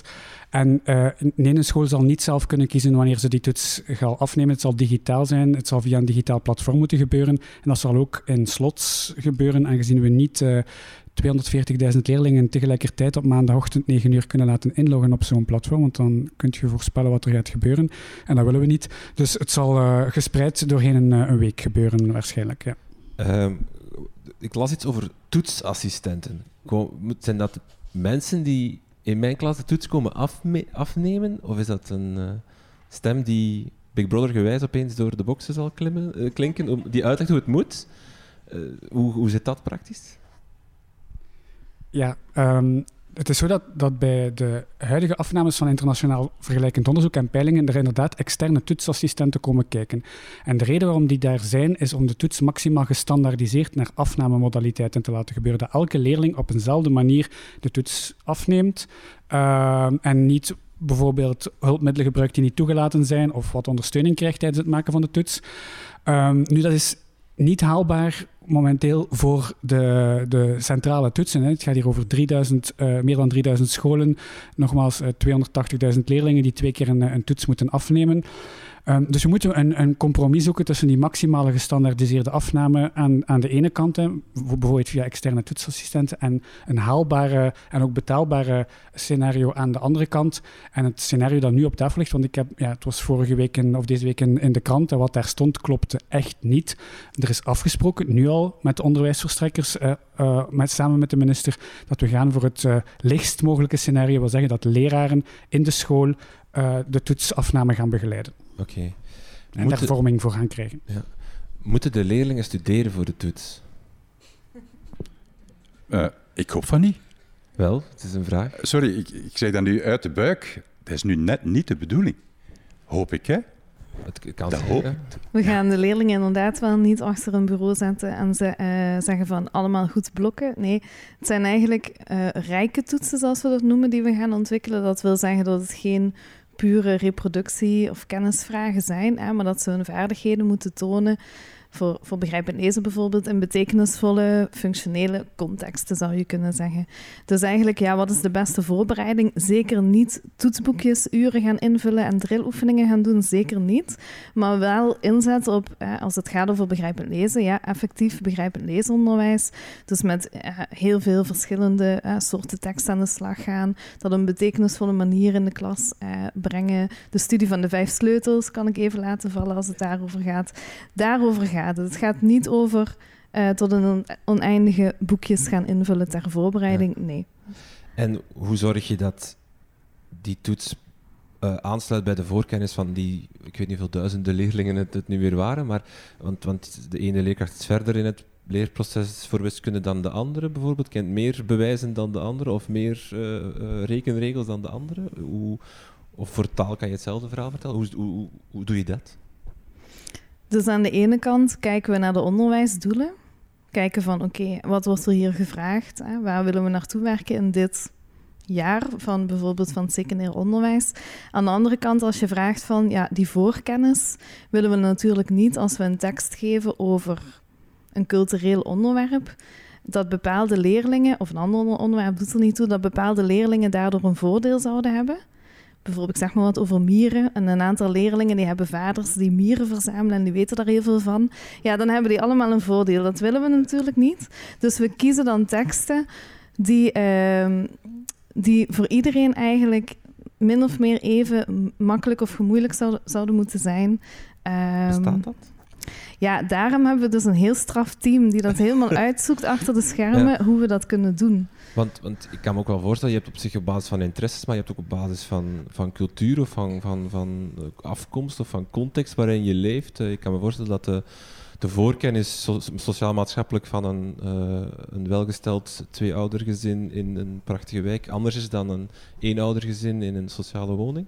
Ja, daarom doen we specifieke analyses, diff-analyses noemen ze die, om te kijken van, zijn die toetsvragen nu wel even eerlijk, zou je kunnen zeggen. Als je, zeg nu maar wat, een jongen en een meisje hebt met hetzelfde niveau voor begrijpend lezen, zijn ze dan toch even eerlijk voor die twee groepen. Of eh, kinderen die thuis Nederlands spreken en kinderen die thuis een andere taal spreken, zijn die toetsvragen dan even eerlijk voor hen. En dat vinden we echt wel belangrijk om daar bij de toetsontwikkeling echt oog voor te hebben. Om te zien van oké, hoe kunnen we die toetsen zo inclusief mogelijk, zou je kunnen zeggen. Hoe kunnen we die zo ontwikkelen dat die toegankelijk zijn voor alle kinderen. Ja, ik wil daar nog even uh, op ingaan dat, uh, dat ik het wel bijzonder vind dat net Nederlands in de focus staat. Uh, met die hoge aantal anderstalige leerlingen dat we hebben. En dat um, ja, mijn angst wel een beetje is dat net daardoor die leerlingen daar minder goed uit zouden kunnen komen. En net ook omdat het steeds, ja, de toetsen gaan telkens opgesteld worden in een functionele context, de toetsvragen, waarbij dat ik ja, mij voorstel dat dat toch vraagstukken zijn met heel veel woorden. Um, dat ik hoop dat, dat, die, dat dat curriculum van die leerlingen niet vernauwd wordt door enkel, tot enkel taal. Um, dat er ook wel nog veel andere vaardigheden zijn die soms uit het oog verloren gaan. Uh, zoals burgerschapsvaardigheden en samenwerkingsvaardigheden, waar dat die leerlingen dan net wel goed op kunnen scoren. Maar ik, ik ga eventjes verder op Nederlands. ja, de reden waarom dat ook is opgenomen, uh, ja, is achteruitgang van het begrijpend lezen aangetoond in Pearls 2006, 2016. Een enorme achteruitgang. Dus niemand kan dit ontkennen. Dus hoor nu niet zeggen, ah, de kleine onderwijsverstrekkers vinden dat niet erg. Dat is, er is eigenlijk een drama. Dat is een maatschappelijk probleem. Dus dat, is, dat moeten we zeer ernstig onderzoeken. Er is onderzoek over geweest. Uh, je kan het eens zijn met de aanpak nadien, ja of nee, maar hoe dan ook, dat moet goed onderzocht worden. Uh, of dit, die toets daartoe zal bijdragen, ja, dat, dat weten we toch nog niet. Uh, dat zal toch niet zo makkelijk zijn om cultuur vrij op te maken. Dat gaat, uh, ik heb toch een aantal vragen ook gezien in, in Pearls, dat, waarbij ik dan toch zeg, god, het is toch een zeker voordeel voor een aantal leerlingen en andere, en andere niet.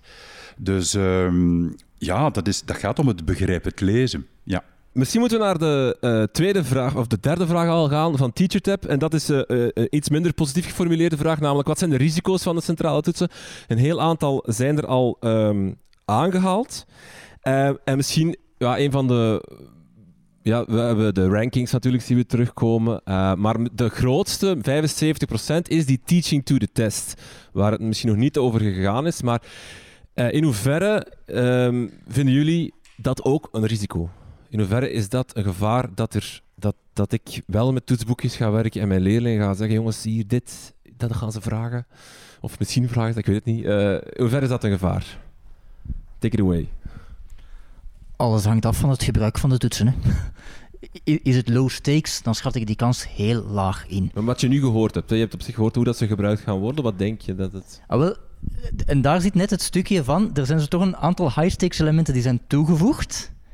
En ik denk dat we ja, net dat moeten gaan onderzoeken. En heel kort, als we daarmee doorgaan, want ik zou nog altijd pleiten van, gaat daar niet mee door, wacht daar even mee. Als we daarmee doorgaan, denk ik, ja, dan moeten we heel kort gaan, gaan kijken van, in welke mate vindt dat toch plaats, dat teaching to the test? In welke mate is toch een curriculumvernauwing? In welke mate gaan we toch items vooral zo gaan aanbieden zoals ze in de toetsen worden aangeboden? Dat soort zaken gaan we, gaan we moeten opvolgen. Dat gaat ook verschil maken op de vraag die je daarnet stelde van gaan leerlingen ervoor moeten studeren.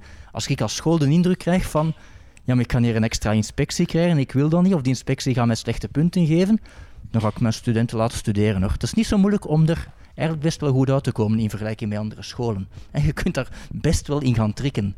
En als één school dat doen, opnieuw, dan heb je het, het, het sneeuwbaleffect gaan anderen het ook doen.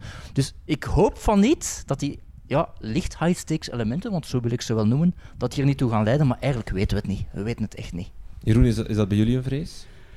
Nee. Um, ik ga blij zijn als ik eens aan mijn twee zonen mag zeggen dat ze een toets gaan krijgen waar ze niet van moeten studeren. uh, en zij gaan ook heel blij zijn.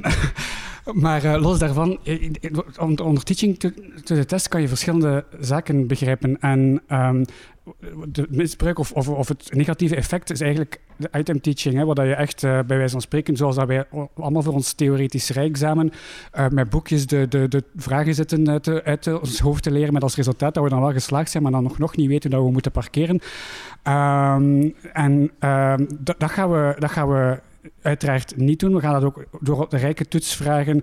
De items gaan ook niet openbaar zijn, dus het zal sowieso niet evident zijn. En worden, worden ook ververst enzovoort. Dus het zal heel moeilijk zijn om dat soort uh, uit het hoofd. Het is trouwens een merkwaardig gegeven om waar, waar ik heel veel item teaching zie, is vandaag in de invulboeken. Hè, waar je een invulboek krijgt en diezelfde opgave komt dan terug in de toetsen die daar dan mee aangeleverd worden. Dat is nu eens echt teaching to the test in zijn meest negatieve vorm. En, en ik vind dat heel raar dat dit dan aanvaard wordt. Maar teaching to the test kan ook een positief effect hebben. Ik ga mij verduidelijken aan de hand van een voorbeeld. Stel, je bent wiskundeleraar, je leerlingen gaan binnenkort examen uh, moeten doen uh, voor wiskunde, in een centrale toets moeten doen voor wiskunde, en je weet dat er optellen en aftrekken van breuken komt. ja, als je je leerlingen gaat, bij wijze van spreken, gaan drillen, gaan inpompen van je moet eerst je, je, je noemer gelijk zetten voordat je kan een breuk optellen en, en of aftrekken. Dat is ook teaching to the test, dat is teaching to the standard ja, dat is wel positief, want je leert je leerlingen eigenlijk datgene wat ze moeten leren. En je verhoogt de, de focus en de aandacht daarop. Dus het is niet noodzakelijk een, een negatief effect. Noodzakelijk. Ja, voorstanders zeggen, teach nu de test. Als het een goede test is, is dat wat we willen. Maar, ja, maar het klopt niet. Oké. het klopt niet in die zin van, ja, dat hebben we nu met de gewone toetsen. Daar hebben we geen standaardiseerde toetsen voor nodig. Dat hebben we met gewone toetsen ook, dat effect. Plus teaching to the test is wel heel wat meer dan dat. Dat is ook net de vernauwing over leerdomeinen. Waarom zou ik een uur ja, van Nederlands nog laten wegvallen als ik mijn klas uitstap ook in andere vakken gaan kunnen doen? Want Nederlands en wiskunde, ja, die doen ertoe. Als je het binnen die high-stakes elementen ziet. Hè. Ehm, waarom zou ik als leraar Nederlands veel inzetten op spreken en luisteren? Want die worden niet getoetst dat is ook teaching to the test. Binnen leerdomeinen gaan we verschuiving hebben. We zien in het buitenland ook het format waarin dat items eh, waarin lessen worden gegeven, veel meer aansluiten bij het format van ja, vaak multiple choice toetsen of korte invultoetsen. dus we zien daar echt een vernauwing. Waarom zou ik lange teksten laten schrijven als het toch allemaal maar kleine invulwoordjes zijn? Dus ook dat is teaching to the test. Zo het snel beperken van teaching to the test van, oh ja, maar ja, ze gaan dan meer doen wat ze eigenlijk moeten doen. Ik vind dat niet correct. Bovendien denk ik, sturing, als je sturing wil geven als overheid, dan moet je niet doen via toetsen. Dan moet je dan doen via een parlementair debat. Dan sluit ik even aan bij Chris, via de eindtermen en zo verder. Dan moet je niet doen via je toetsen. Ja, we hebben het net al even gehad over die bloktoetsen tegenover die rijke toetsen. Uh, want inderdaad, teaching to test gaat ook over uh, andere zaken, de stakes die je daaraan koppelt, maar ook hoe je de toetsen ontwerpt. Als je de toetsen zo ontwerpt dat ze eigenlijk zo betekenisvol mogelijk zijn in een digitale omgeving weliswaar, maar toch zo betekenisvol mogelijk, dan zijn het eigenlijk geen papegaaitoetsen bij wijze van spreken. Maar gaat het net als we verwijzen naar het rijexamen, ja, de oefeningen, eh, het praktische rijexamen bedoel ik dan in de auto. Dat doe je door heel veel in de auto, stapsgewijs enzovoort, uh, bezig te zijn. En niet door eh, op het droge eh, te kijken, te observeren hoe een auto beweegt en de onderdelen uit je hoofd te leren of zo. Zo kijken we ook een beetje naar de toetsen, bij wijze van spreken. Het gaat echt over uh, het, het, oefenen van die vaardigheden in de klas in betekenisvolle contexten. Ook op die manier willen we die vaardigheden van leerlingen in kaart brengen. En het meer curriculumargument dat Maarten maakt, het feit dat het voor een verenging kan zorgen van het breder curriculum, dat meer wiskunde en Nederlands echt de focus zal worden van een, een, een, een eerste graad bijvoorbeeld, en dat andere dingen rond, rond artistieke vorming of meer aan de kant zullen geschoven worden, in zijn groter geheel natuurlijk, uh, omdat die centraal toetsen nu helemaal over wiskunde en Nederlands gaan. Is dat een argument dat, dat geldt? Het is belangrijk dat we die, uh, die toetsen zien als een uh, deel van een groter geheel, van een groter verhaal, van een breed evaluatiebeleid. En ik heb echt wel veel vertrouwen in leraren dat zij ook veel breder gaan kijken dan enkel begrijpend lezen of schrijfvaardigheid voor Nederlands. Ik ken geen enkele leraar die zegt, maar ja, begrijpend luisteren en spreken, ik doe dat eigenlijk niet. Ik, ik ken of ook geen leraar dat zou doen, maar als ik er door mijn directie op word aangesproken van, uh, we krijgen hier andere slechte punten van de inspectie, dat is het, dan krijgen we een ander verhaal. En dan zit je inderdaad met die... Dan zit je een stakes-verhaal. Heel, heel, licht.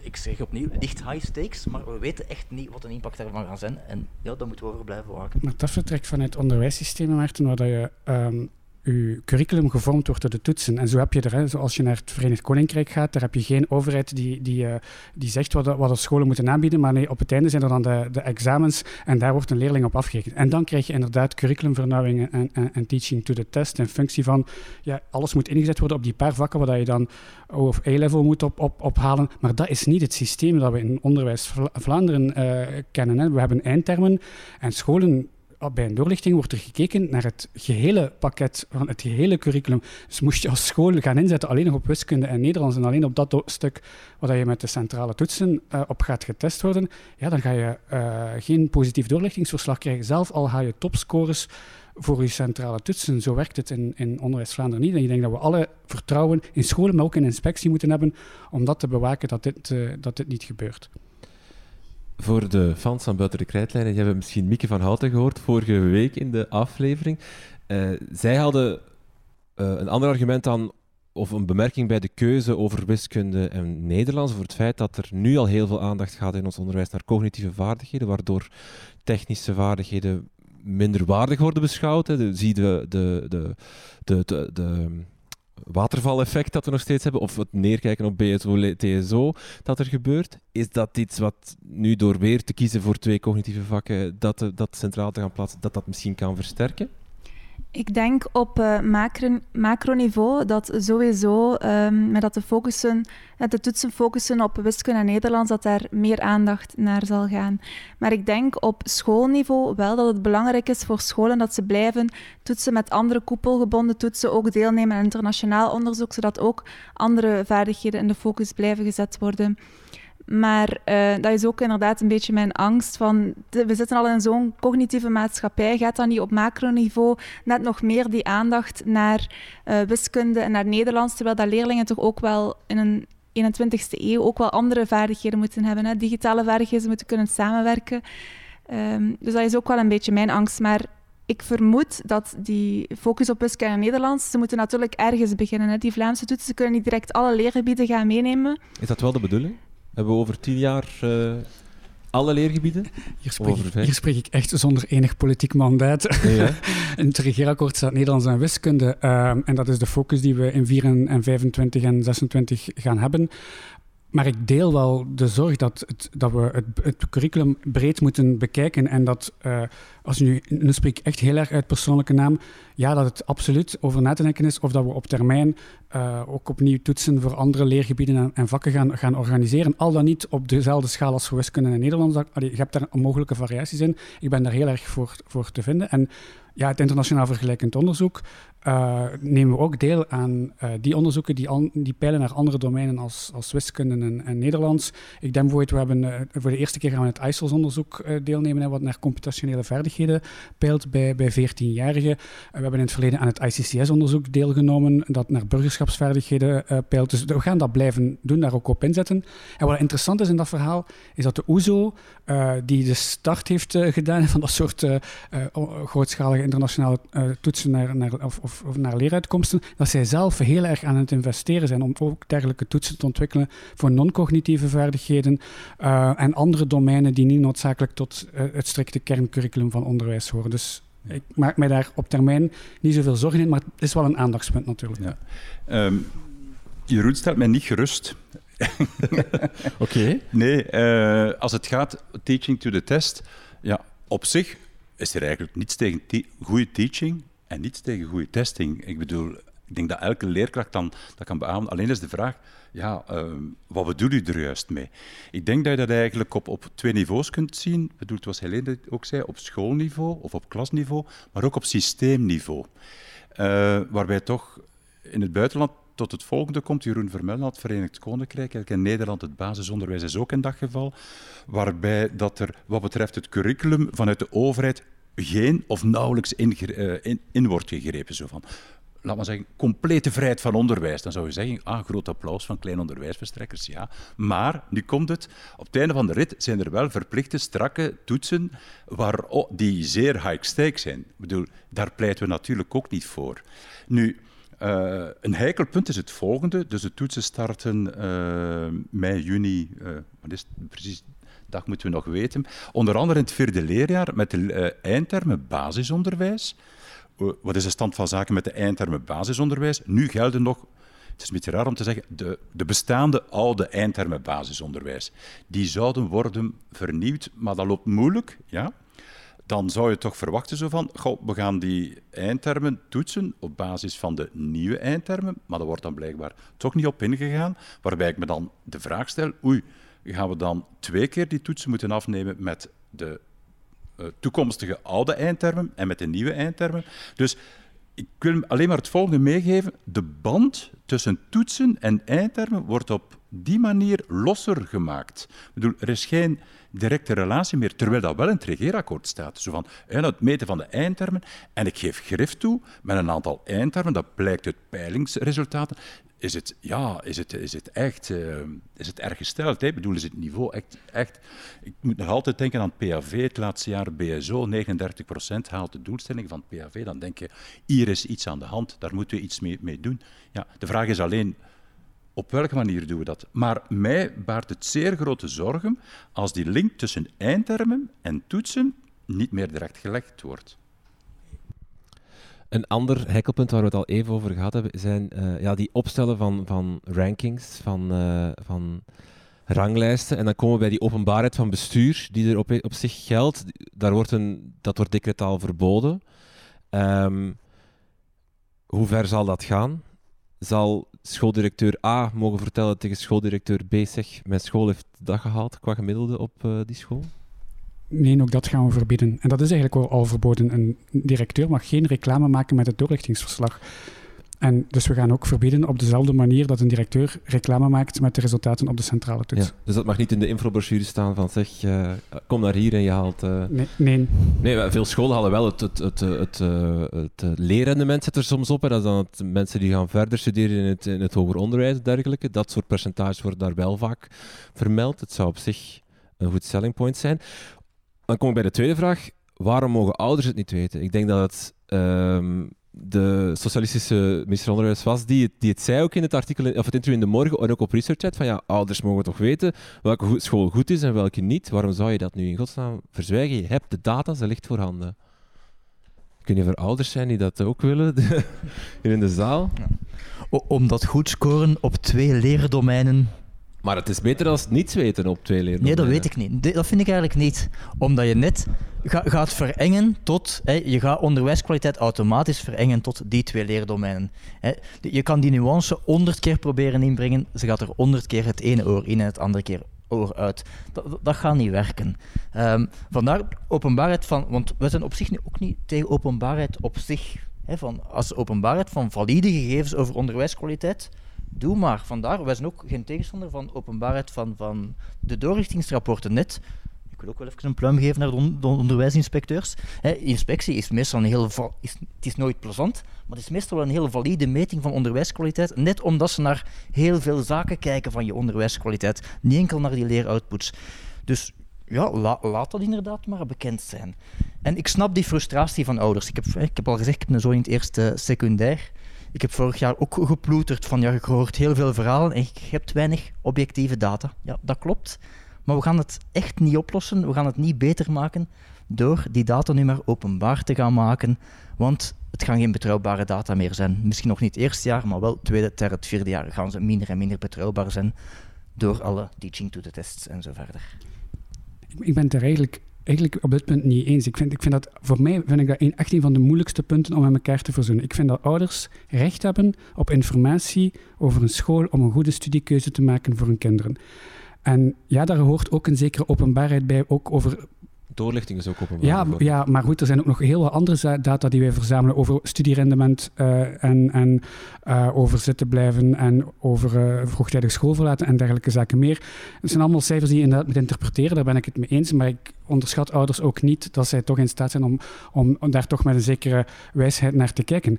Alleen moeten we hier de afweging maken. Gaat de schade door het openbaar maken niet te groot zijn ten opzichte van het informatierecht dat ouders hebben? Ik zit daar zelf heel erg mee gevangen, want ik vind dat een, een, een geen zwart-wit verhaal. Ik denk dat vandaag, op dit moment, het vertrouwen in Onderwijs Vlaanderen absoluut niet groot genoeg is om openbaarheid uh, te voorzien. Dus we gaan dat ook gewoon niet doen, omdat de negatieve effecten van zo'n ranking veel groter gaan zijn dan de positieve effecten uh, die we aan ouders kunnen geven. Maar ik vind het niet zo eenduidig als het, als het hier is. Ik, ik vind het ook jammer, hè?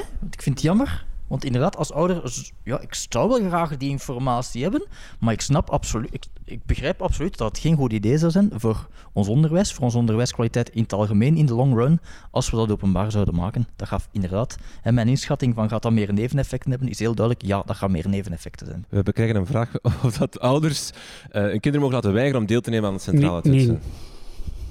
Nee, er is geen opt-out voor ouders voorzien. Nee. Ik denk dat we een verschil moeten maken tussen, eh, misschien wil je dat nu ook zeggen, van een leerling legt de toets af en de ouder van die leerling kan misschien te weten komen wat het resultaat is. Misschien. Ik heb hier niks gezegd dat het zo is. En ouders, een breed publiek van ouders, die willen weten hoe verschillende scholen in hun buurt wat de toetsresultaten zijn van die scholen in hun buurt. Dat is natuurlijk een heel ander verhaal. Hè?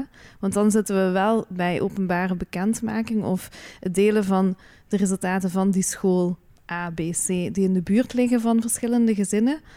Of je wil misschien als ouder het resultaat kennen van, van jouw kind. Ja. Dat is wel een andere situatie dat, die we misschien wel uit elkaar moeten houden. Want wat is het plan? De leerling krijgt zijn resultaat wel hij hoort, ik heb 8 op 10, we gaan het even simpel maken, 8 op 10 op de, op de, de toets wiskunde gehaald. Dat zal niet in punten uit te drukken zijn, vermoed ik. Maar, om het, om het ja, goed, een, een, feedback, een feedbackrapport ja, die ja. we aan de scholen gaan teruggeven.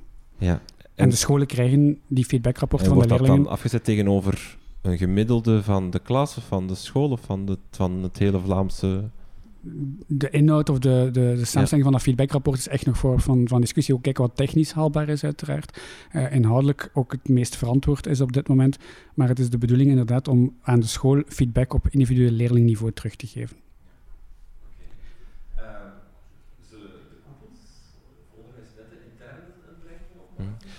Misschien even over dat, want dat is uiteindelijk waar het allemaal misschien wel om draait. Hè, die, de stap daarna, de begeleiding van bijvoorbeeld scholen die het niet goed doen. Um, de onderwijsinspectie is niet overbemand. Ze hebben nu al moeite om. Ik, ik sta vijf jaar in mijn school, ik heb nog geen onderwijsinspecteur gezien.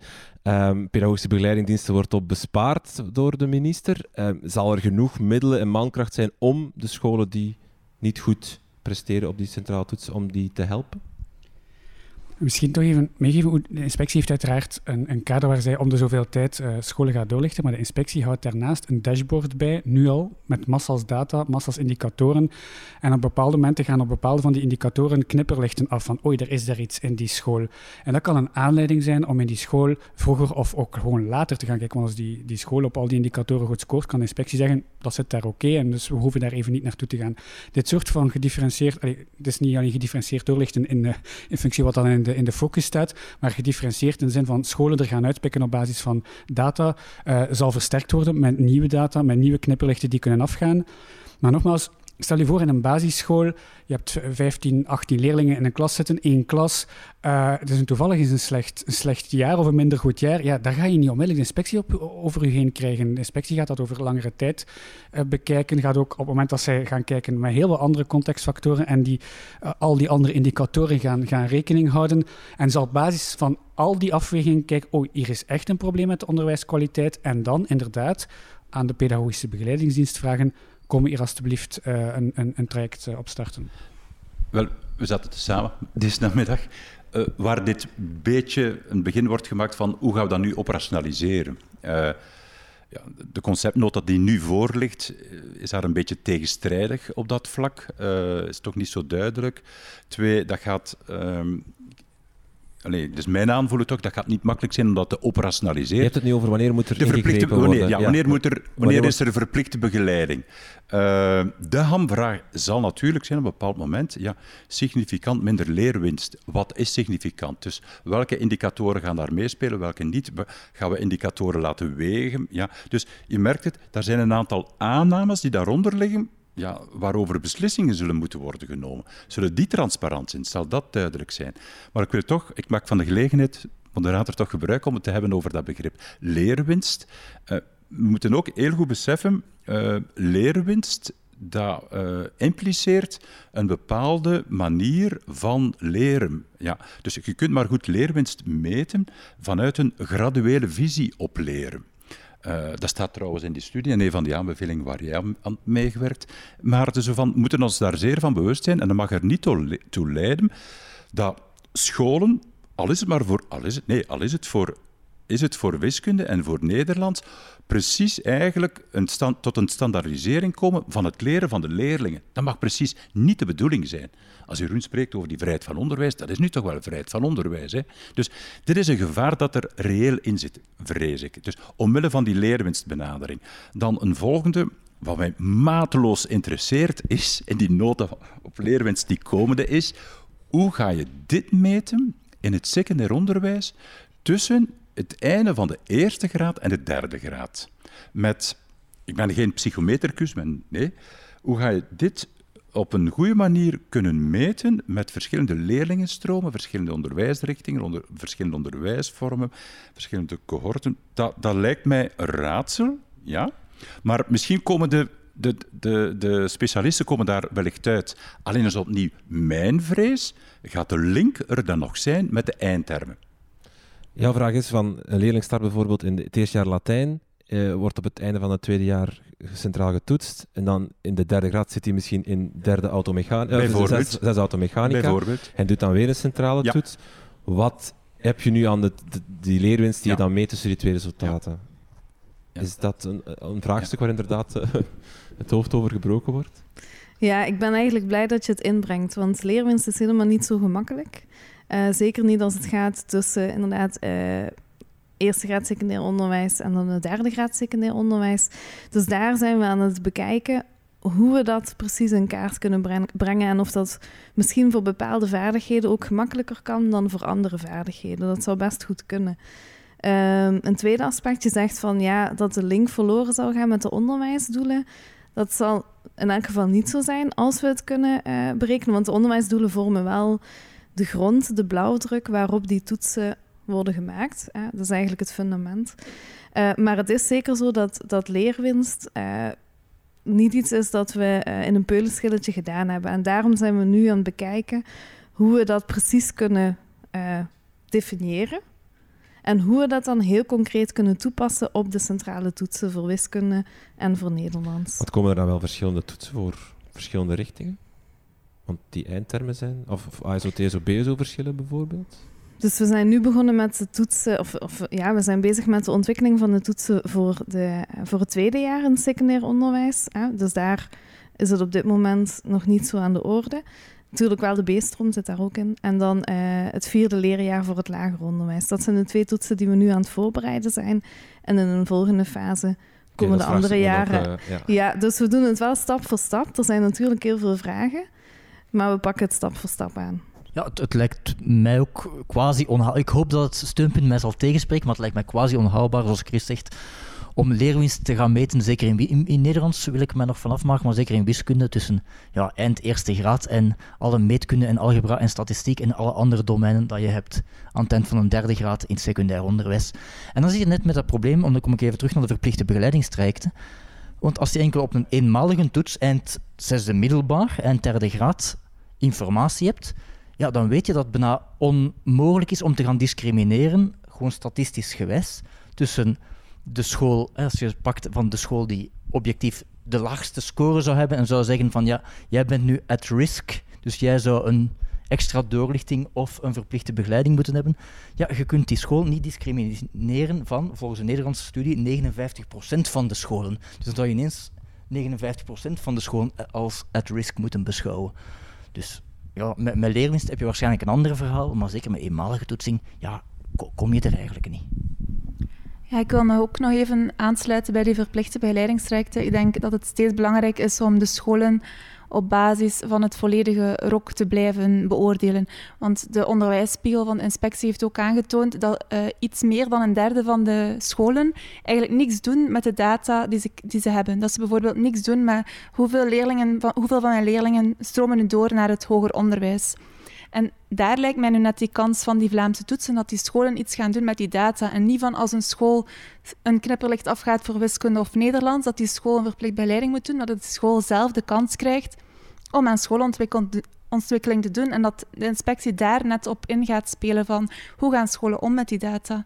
Dus dat het niet zo is van uit de verantwoording van ja, je moet dit doen, maar dat ze gewoon echt die kans krijgen om, um, om zelf te evolueren.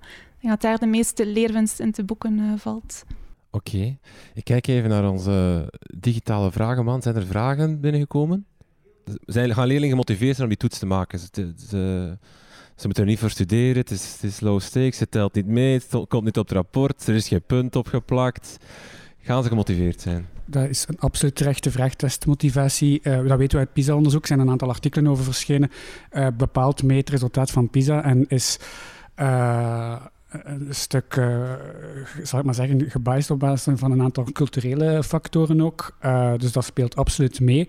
Vandaar uh, het, het, scenario van een niet absoluut no-stake, want dan heb je geen enkele trigger en dan ga je ook, het, de, het motivatie is ook niet gelijk verdeeld over, over alle andere achtergrondvariabelen van leerlingen. Dus je gaat dan ook daar een vertekening gaan krijgen. Dus als je aan een leerling meegeeft, ja, dit kan wel meetellen voor in je totale pakket aan toetsen, gaat dat de motivatie absoluut toenemen en gaat dat ook een beter resultaat op, uh, of een betere uitkomst op de toets geven. Ja. Want hoe kondig ik de toetsen dan aan in mijn klas? Ik zeg in mei, volgende week maandag, de derde maandag van, van mei, is het toets. Je moet er niet voor studeren. Ze telt niet echt mee of wel, of niet mee. Ze komt niet op het rapport, maar ze, ze, ze komt wel op de tafel op de klasraad te liggen. Je kan het wel laten meetellen. Dat is een beslissing die in de school kan genomen worden. Hm. Oké, dus dat is eigenlijk nog een, een, dat is echt een, een, beslissing die op schoolniveau kan, die op schoolniveau beslist worden van hoe die, die, die toets eigenlijk aangekondigd zal worden aan leerlingen, hoe die zal, wat voor karakter dat die zal hebben. Oké. ja. maar, maar opnieuw, als het dus een beetje high stakes wordt gepercipieerd als school, dan ga ik er wel voor zorgen dat in mijn school voor 50% van de resultaten meetelt en ze gaan goed studeren en ik ga er goed uitkomen. En dus opnieuw, wat is de impact van die licht high stakes elementen op de testresultaten. Dat is weer een mooi voorbeeld ervan. Wat ik hier mis, in zo'n discussie, en dat is typisch, ik ben heel blij met die vraag, is het perspectief vanuit de onderwijs- en klaspraktijk. Ehm, ik sta ook in het, onderwijsveld. Ja, ehm, ik weet nu al, een groep leerlingen hebben het nu al moeilijk om gewoon een toets te laten afnemen. Of dat dat nu een centrale verplichte toets gaat zijn, of een toetsje van, van wat is het, van Frans of van, van wiskunde dat afnemen. Gewoon het afnemen van een toets is problematisch bij een groep leerlingen. Dus um, ik heb zoiets en we gaan zo Problematisch, waarom? Ja, ze, ze, zien dat niet zitten. Ik bedoel, uh, zo lang blijven stilzitten, uh, u, wat? U tien minuten concentreren op één blad en dan die antwoorden daar invullen. Ja, uh, meester, komt dat op mijn rapport? Ja, ja, ja, het komt op mijn rapport. Ah, ja, ja, maar er zijn nog andere. Dus die toetsen voor een groep leerlingen, bedoel, die niet het cultureel kapitaal hebben om te weten wat toetsen zou kunnen betekenen, ja, dan, dan, en dan spreken we over motivatie, dat is iets dat, dat gewoon niet past. Dus dat wordt een zeer moeilijk verhaal, denk ik. Ja. Dus gewoon van, vanuit de praktijk. En ik denk, leerkrachten die ook in de praktijk staan, dat kan ook niet anders, kunnen dat alleen maar beamen. Er zijn een groep leerlingen waarbij gewone toetsen afnemen niet behoort tot hun attitude, of ja, wat het ook is.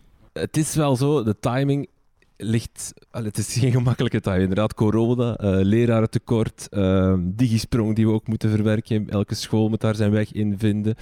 Um, het, het, de modernisering die gebeurt, uh, die nog volop gaande is, die we nog allemaal aan het verwerken zijn. Um, timing die waarschijnlijk ook jullie niet hebben gekozen, of niet, of, of, maar dat wordt wel geen gemakkelijk om daar nu ook nog een, een centrale toets mee in te passen. Hoe, hoe, weinig planlast het misschien ook met zich meebrengt, maar het is wel weer een extra element waar directeurs, leerkrachten mee om moeten gaan. Het, het is misschien nog niet de planlast op zich. Het is vooral waar dat we zien dat gestandaardiseerde toetsen werken, dat ze effectief leiden tot kwaliteitszorg, ja, dat is wel een van de cruciale voorwaarden, dat je ook tijd en ruimte hebt als school om ermee aan de slag te gaan. Je zal wel op basis van die gestandaardiseerde toetsen vaststellen van dat je een bepaald leerdomein van wiskunde niet zo sterk in bent en je kan een mooi actieplan maken. Als je geen leraar wiskunde hebt, ga je niet ver lopen.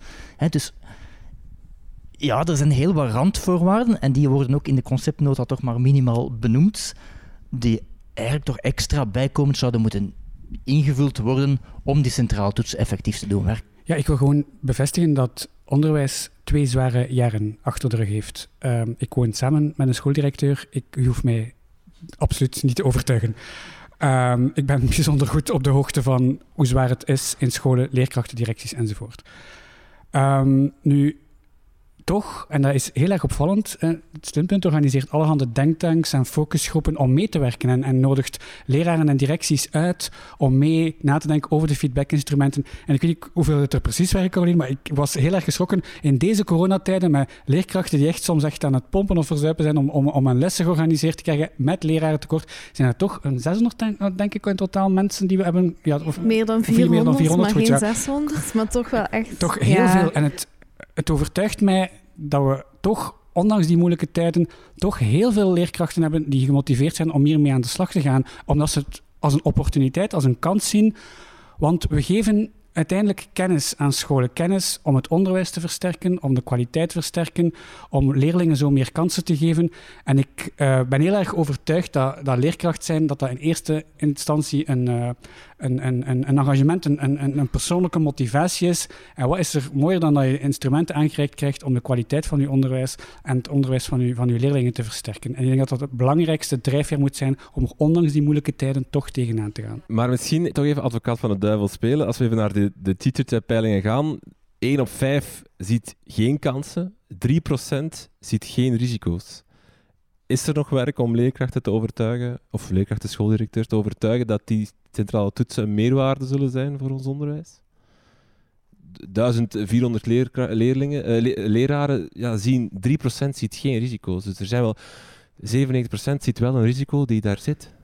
Maar dit is een, een enorm complex dossier. Um, het, gaat over kwaliteit van onderwijs en er wordt nogal heel snel gezegd van toetsen gaan tot kwaliteitsverhoging leiden. En zo, zo eenvoudig is het uiteraard niet. Hè. Onderwijs is een complex systeem waar heel veel factoren inspelen en we zetten hier op één instrument in. Um, dat ook nog aan een heleboel randvoorwaarden moet voldoen. Hè, wat je het gebruik van de toetsen, wat hier al gezegd is geweest, heel essentieel is. En uh, voor iemand die daar niet mee bezig is, professioneel, uh, die daar nog niet zich in heeft kunnen inlezen, is het heel moeilijk om je daar een beeld over te vormen. Dus ik heb veel liever dat leraren zeggen van ik zie het momenteel niet, ik ga daar ook niet op antwoorden, dan uh, een beetje uit het buikgevoel um, dingen poneren die, die ook helemaal niet kloppen. Dus ik denk dat onze opdracht, een pedagogische opdracht, ook van, van, van Steunpunt en van overheid en van koepels, pedagogische begeleidingsdienst, inspectie is, om uit te leggen wat de kansen zijn van die instrumenten, wat ook de gevaren zijn. Hè? Die zijn er, absoluut. En hoe dat we best die kansen zo groot mogelijk kunnen maken en die gevaren zo maximaal mogelijk kunnen tegengaan. Oké. Het is al laat, we gaan uh, afsluiten. Ik wil graag mijn panel bedanken. Chris de Nijs, Maarten Pennings, Jeroen Baks, Caroline Ferenc en Helene Bourdoudi. Dankjewel ook jullie voor het luisteren. Dankjewel. Dankjewel.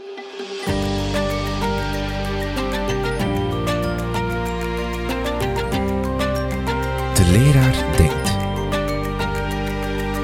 Een podcast van Buiten de Krijtlijnen in samenwerking met TeacherTap Vlaanderen en Artevelde.